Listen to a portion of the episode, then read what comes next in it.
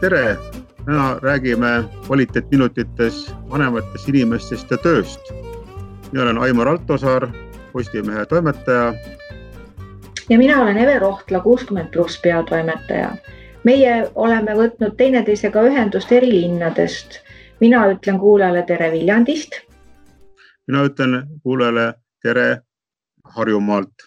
nii, aga siis alustame Aimar sellel teemal, kuidas saaks elukogenum inimene leida endale töö, erinevatel põhjustel võib ta olla selle eelmise tööga lõpetanud, kas on ise ära tulnud või, või on tema tööaeg seal selles töökohas otsa saanud või, või ta tahabki elumuutust kusagil teises kohas alustada.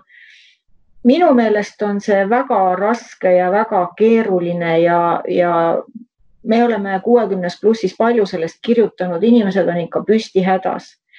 ja mina arvan, et siin on palju teha ka tööandjal.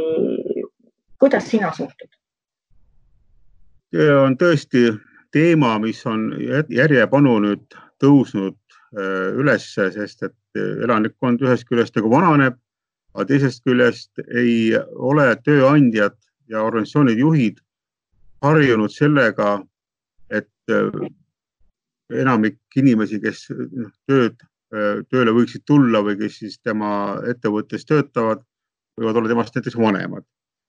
et meil on nagu, me oleme jäänud nagu sellesse aega oma mõtetes kinni, meie ise ka vanemad inimesed, kes äh, mäletavad, kus ikka juba peeti neljakümne aastast inimesest juba peaaegu vanaks ja no viiekümne aastane siis hakkas juba pensionit ootama.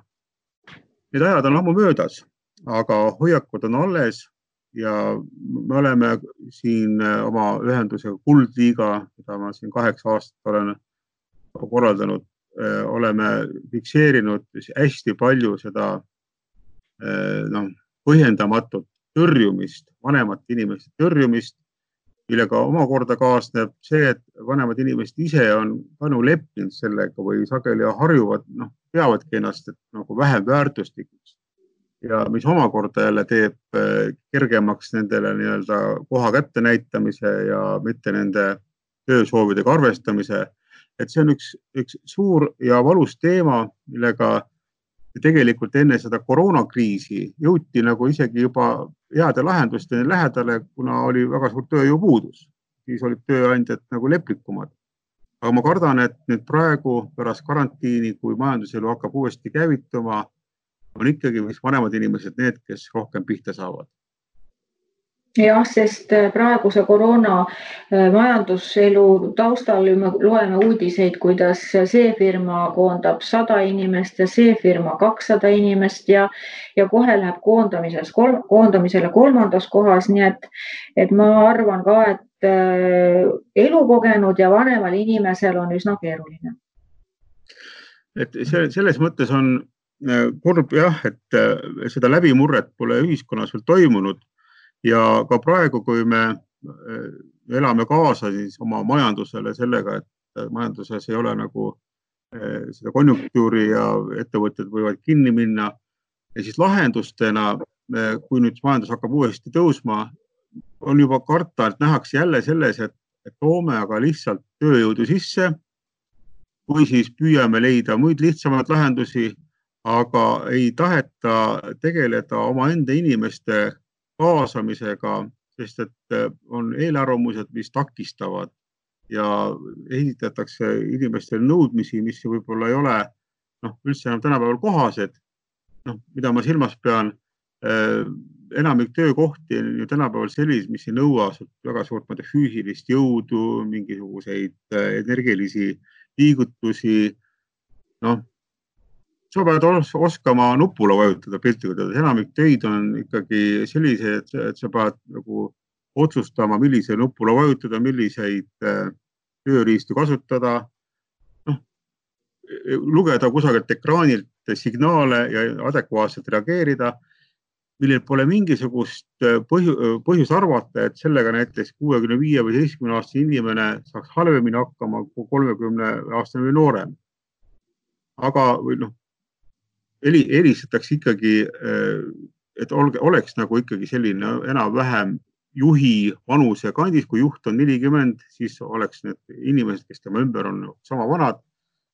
ühesõnaga, see on niisugune surnud ring, mida, millele nagu head lahendust ühiskond ikkagi veel ei ole suutnud noh, laiemalt teadvustada seda head lahendust, et meil on olemas inimesed, kes kõike seda suudavad teha. Kohtasin alles hiljuti ühte, ühte juhti, naisjuht oli, kes, kes mulle kurtis, et mina otsin inimest ja ma mitte kuidagi seda inimest ei leia, et mul on hädasti tööle inimest vaja. ja samas inimesed otsivad tööd, et kuidagi on selline tunne, et see tööpakkuja ja tööotsija ei saa kokku või ei leia teineteist praegu nagu selline olukord, ma ei tea, mis nüüd pärast seda koroonat saab, aga see oli siis koroonaeelne aeg ja, ja ütles, et ta, ta, ta nii väga otsib. noh, ma jätan siinkohal selle töö täpsustamata, aga noh, igale tööle leidub ju inimesi, kes, kes võiksid sinna sobida. täpselt nii ongi, igale tegelikult võtame ühiskonna tervik, kui meid on üks miljon, jääme noh, suurtes, üks miljon täiskasvanud töö, aktiivses nagu töökeskkonnas osal, tööturul osalejad on kusagil kuue poolesaja, seitsmesaja tuhande ringis. siis tegelikult on igale tööle inimesel, inimene ja igale inimesele vastav töö, kõik on tegelikult ühiskonnas olemas. küsimus on selles, et kuidas need kokku saaksid. selle kokkusaamisega on tõsised probleemid, sest et seda just takistavad eelarvamused ja ka teine asi on, üks on eelarvamus teine asi on see, et ei nähta eh, sellist majanduse ja tehnoloogia arengut, mis tegelikult võimaldab just nimelt iga inimese oma noh, omadused, oskused, kalduvused noh, paremini välja, ära kasutada. ei ole mõtet panna eh, noh, ma ei tea, introverti kohale, kus on vaja ekstraverti. ei ole panna, vaja panna Äh, inimest, kes tahab teha rutiinset tööd, olla väga kannatlik, kohale, kus on vaja loominguline ja olla nagu pidev, pidevas niisuguses vahelduvas rütmis. et selliseid individuaalseid iseärasusi ei ole õpitud äh,, ei arvestata, sest et tegelikult juhtimist ja inimesi ei ole tundma õpitud. inimeste, inimeste mm, noh, vaatlemine igaühe, igaühte kui eraldi isiksust, see ei ole meil kahjuks kuigi sügavalt kultuuris sees, ei ole ka juhtimiskultuuris. juhtimine käsitleb ikkagi üsna tihti inimesi selliste standardsete lahendustena, aga standardseid inimesi pole olemas jah, ja ma olen mõelnud seda, et, et nagu sa praegu ütled, et juht ei tunne inimesi, aga veel vähem tunneb neljakümne aastane või noorem juht äh, vanemaealiste elukogenud inimest.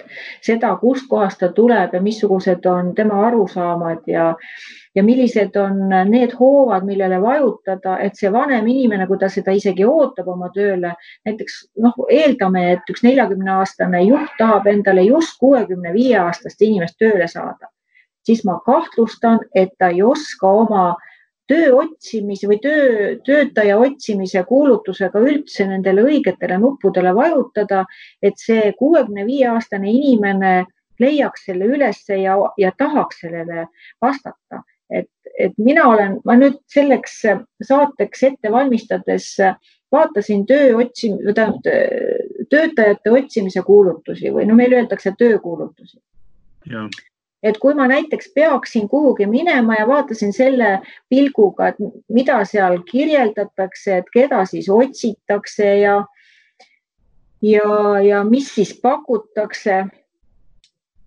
esiteks, me mõlemad tuleme ju sellest ajast kus niisugust konkurssi või, või motivatsioonikirja või, või, või millegi peale nagu kuhugi poole minemiseks, et ma pean kirjutama midagi selleks, et tööle saada, sellist asja ju sellel ajal ei olnud, kui meie kooli lõpetasime.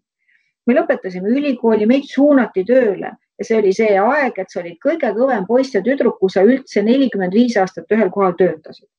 see, et kolme aasta möödudes vahetad sa oma töökohti, see oli täiesti välistatud.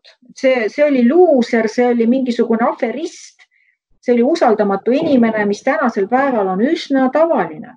et siis, kui noor inimene tuleb tööle, siis ta ütleb sulle kui juhile kohe ära, et ega ma siia kauemaks kui kolm aastat ei jää. tänapäeval on see tavaline. jah, ma tulin siia kogemusi saama ja, ja ma lähen siit jälle ära ja neid on väga palju tegelikult peab juht arvestama noorte inimestega, aga on ka vanemaealised, kellest meie räägime ja meie ei ole niisuguse asjaga harjunud. esiteks juba ainuüksi meie vanuses mingisugusele konkursile oma CV saatmist, me ei ole seda kunagi pidanud võib-olla tegema ja, ja mingi motivatsioonikirja, mis asi see üldse on et see on juba omaette ooper, et me peaksime, et me peame selle julguse saama, et üldse nagu see, see, see ette võtta, see tegemine. see peab olema hirmus tahtmine, no võtame siis lapse ja lapselapse appi, saame sellega ka hakkama ja siis me lööme selle kuulutuse lahti. Ja mina loen. anname või pakume teile konkurentsivõimelist palka. mis asi see on? küsin mina ja, ja siis kubiseb järjest, tuleb ülevalt alla, siis selles töökuulutuses tuleb lauseid, mis on segased, mitmeti mõistetavad, eriti meieealistele, kes ei ole väga kodus sellise kantseliidi ja, ja niisuguste moodsate väljenditega. Ja minul ongi selline küsimus, et kas, kas need, kas need kuulutused peavad siis sellised olema, kas sa oled minuga nõus, et neljakümne aastane inimene, kes otsib kuuekümne viie aastast inimest ei oska lihtsalt nende poole pöörduda. teine asi on muidugi see, et praegune, praegune diskrimineerimist välistav äh, seadus ja suhtumine ei lubagi sul otse öelda, et ma tahan kuuekümne viie aastast vana inimest endale tööle, see on juba noh, niimoodi kõik hoiavad kahe käega peast kinni, et mis sa õige mõtled, et sul nüüd, et noh, nagu, nagu Pantaloone ütles kolmes apelsinis, et vihjad mu alalõuale või? ei tohi, niisugust asja ei tohi olla et, et see on, see on nii keeruline ja, ja minu meelest peaks alustama sellest kõigest algusest, et see, see töökuulutus peaks olema lihtne, loogiline, arusaadav, et meie vanuses ja meie ajalooga ja meie tööajalooga inimesed üldse söandavad ja julgevad tööle ennast pakkuda. meil on Kuldliigas kümneid inimesi, kes on olnud äh, hiilgavalt head oma töökohtadel, kes on juhid, spetsialistid. Nende hulgas on ka ajakirjanduses töötanud inimesi ja pärast viiekümnet eluaastat on erinevatel põhjustel neil noh, varasemate töökohtadega suhe katkenud, kus on seal äh, toimunud ümberkorraldused või on midagi seal pankrotti läinud. ühesõnaga mingil põhjusel on inimesed, kes on nagu väga enesekindlalt noh, põhjusega teavad, nad on head tegijad. ja, ja siis, kui nad pärast ühe-kahe aasta pikkust perioodi, kus nad on saatnud CV-sid, äh, motivatsioonikirju kümnete, mõnel puhul ka sadade kaupa ja sellele ei tule mitte mingisugust vastust. kui nad käivad, äh, kui nad on käinud Töötukassa konsultantide juures äh, ja tulevad sealt nuttes tagasi, siis seal öeldakse, et kui madalal olete te valmis oma nagu taset viima, et noh, kus te veel olete nõus vastu vastu võtma, noh, ühesõnaga see alanduste häbiperiood algab siis tõesti pihta ja, ja nende ja need vahendatud, vahendatud dokumentides, olgu see siis CV või motivatsioonikiri, selles žanris jääme me kindlasti alla nendele noortele inimestele, kes on kasvanudki selles seltskonnas, nad teavad selles keskkonnas noored inimesed teavad, et kuidas kirjutada CV-d, kuidas kirjutada motivatsioonikirju, kuidas olla nagu äge ja kuidas olla, turundada ennast ja, ja see on nagu eurotaotluse projekt, eks ole, milleks tuleb eraldi õppida. ja see täiesti eraldi teadmine ja, ja, ja see on nagu üks suur nõudmine, mida me Kuldliigaga oleme ikka, ikkagi nõudnud ka tööandjate käest ja, ja ka avaliku sektori asutuste käest. püüdke inimest kõigepealt oh, kokku saada, tegelikult väga palju ütleb ära, kui see juht või juhi esindaja, olgu ta siis personalijuht, saab inimesed kokku, leia see aeg. kui sa tahad endale tõesti head töökaaslast, lojaalset, noh, CV on muidugi esimene orientatsioon, et saad aru, et mida inimene teinud on. aga inimesest, inimesest saad sa aru ikkagi alles siis, kui sa temaga saad kokku, saad temaga rääkida. ja, ja, ja, ja sealt hakkab võib-olla see suhe pihta, aga kui sa otsustad juba, et ta ei oska kirjutada seda paberit, kui otsus selle järgi, et ei oska kirjutada paberit, otsustada selle järgi, et inimene saa üldse millegagi hakkama. ja, ja, ja seda, seda jama meil jätkuvalt palju.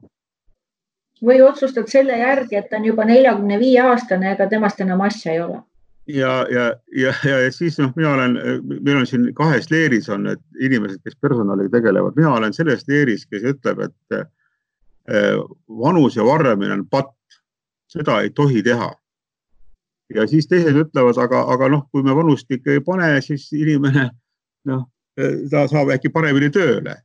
ja, ja, ja mis siis tuleb hops välja, et ei olegi kolmekümne viiene, vaid kuuekümne viiene, mis siis saab, eks ole. et, et minu arust see nagu kaks asja, mida inimene ei peaks häbenema ega varjama, see tema vanus ja tema tehtud tööd. aga need on kaks asja, mida eriti, kui see inimene on, on, inimene olnud mingis suures organisatsioonis näiteks spetsialist, juhtivspetsialist, hoidku jumal, kui olnud juht, siis, siis see on soovitus kohe nendel CV vahendajatel, et ärge jumala eest öelge, et te olete midagi juhtinud öelge, kui vanad te olete. ühesõnaga, ma pean ennast ära nullima. ja jah, pragmaatilise kaalutlustel sa võidki lõpuks saada selle noh, mingi koha selle lõpi läbi, aga üldise alanduse hinnaga. Kas, kas see on nagu mõistlik, et me kaotame selle inimese, kes oli uhke ene, ene, eneseusu, usuga inimene, kes oli palju saavutanud nüüd nullime ta ära, viime ta mitu korrust allapoole kuhugi lihtsa töö peale. noh, aga me ütleme, et noh, nüüd on ta tööd saanud, linnuke kirjas. aga ühiskonnale on see ju kallis, et me niimoodi oma inimesi, oma kogemusi raiskame jah, minu meelest on ühiskond kaotab sellega kõvasti, kui, kui ei leita väärikale inimesele väärikat töökohta, et see on ju tegelikult väga suur ühiskonna kaotus ja ma ei tea, millal ja. me selleni jõuame et nad aru saavad, et, et kõik, kõik meie institutsioonid ja, ja, ja organisatsioonid, kes kõik on nagu loodud riigi poolt selleks, et, et inimest aidata tööle ja vahendada tööd, et nad kõik seda nagu mõistaksid päris maast ja madalast. Siin on üks väike noh, mingi areng on siiski nüüd toimunud, ma usun, et siin on Kuldliiga roll ka äh, mängus, et me oleme aastaid seda teemat tagunud. Ja Sotsiaalministeeriumis on väga erksad noored juhid, muuseas peab ütlema, et seal on väga hea seltskond noori tippjuhte vanuses kolmkümmend, nelikümmend, kes on, mõistavad väga hästi seda vanemate inimeste temaatikat. ja, ja nüüd on äh, ühiste pingutuse tulemusena on äh, Töötukassal minu teada esimesest juunist vist on üks uus meede, mis tegelebki spetsiifiliselt just viiskümmend viis pluss inimestega et sellest meetmest ma tahan natuke rohkem nüüd lugeda, teada, sest ma ise olen olnud töörühmades, kui seda meedet hakati eelmine aasta tegema. et kui kaugele sellega jõutud on ja, ja mis siis nüüd jäi sisse, mida me plaanisime. Mõte oli just selles, selles meetmes, et inimene ja ütleme, tööotsija ja töövaja, tööpakkuja, tööandja ja tööotsija, töötegija peavad kokku saama, et kuidas viia need kokku. see ongi see võtmekoht, et et mitte lihtsalt äh, formaalsete tunnuste järgi, vaid äh, et see Töötukassa siis uus meede nagu aitaks inimesed äh, ja, ja töökohad tõepoolest kokku viia. tööteema ei lõpe ja me näeme, et vanemad inimesed on tegelikult väga väärtuslik tööjõud ja see on ka oluline nende inimeste elukvaliteedi jaoks, kogu ühiskonna kvaliteedi jaoks, et me kindlasti räägime sellest ka järgmistes taskuhäälingu saadetes edasi. jah, et tööotsija leiaks töö ja see inimene, kes otsib endale töötajat, leiaks töötaja ja nii nagu üks mulk soovib teisele, et sul töö mitte kunagi otsa ei lõpeks. aitäh, seda soovime me kõik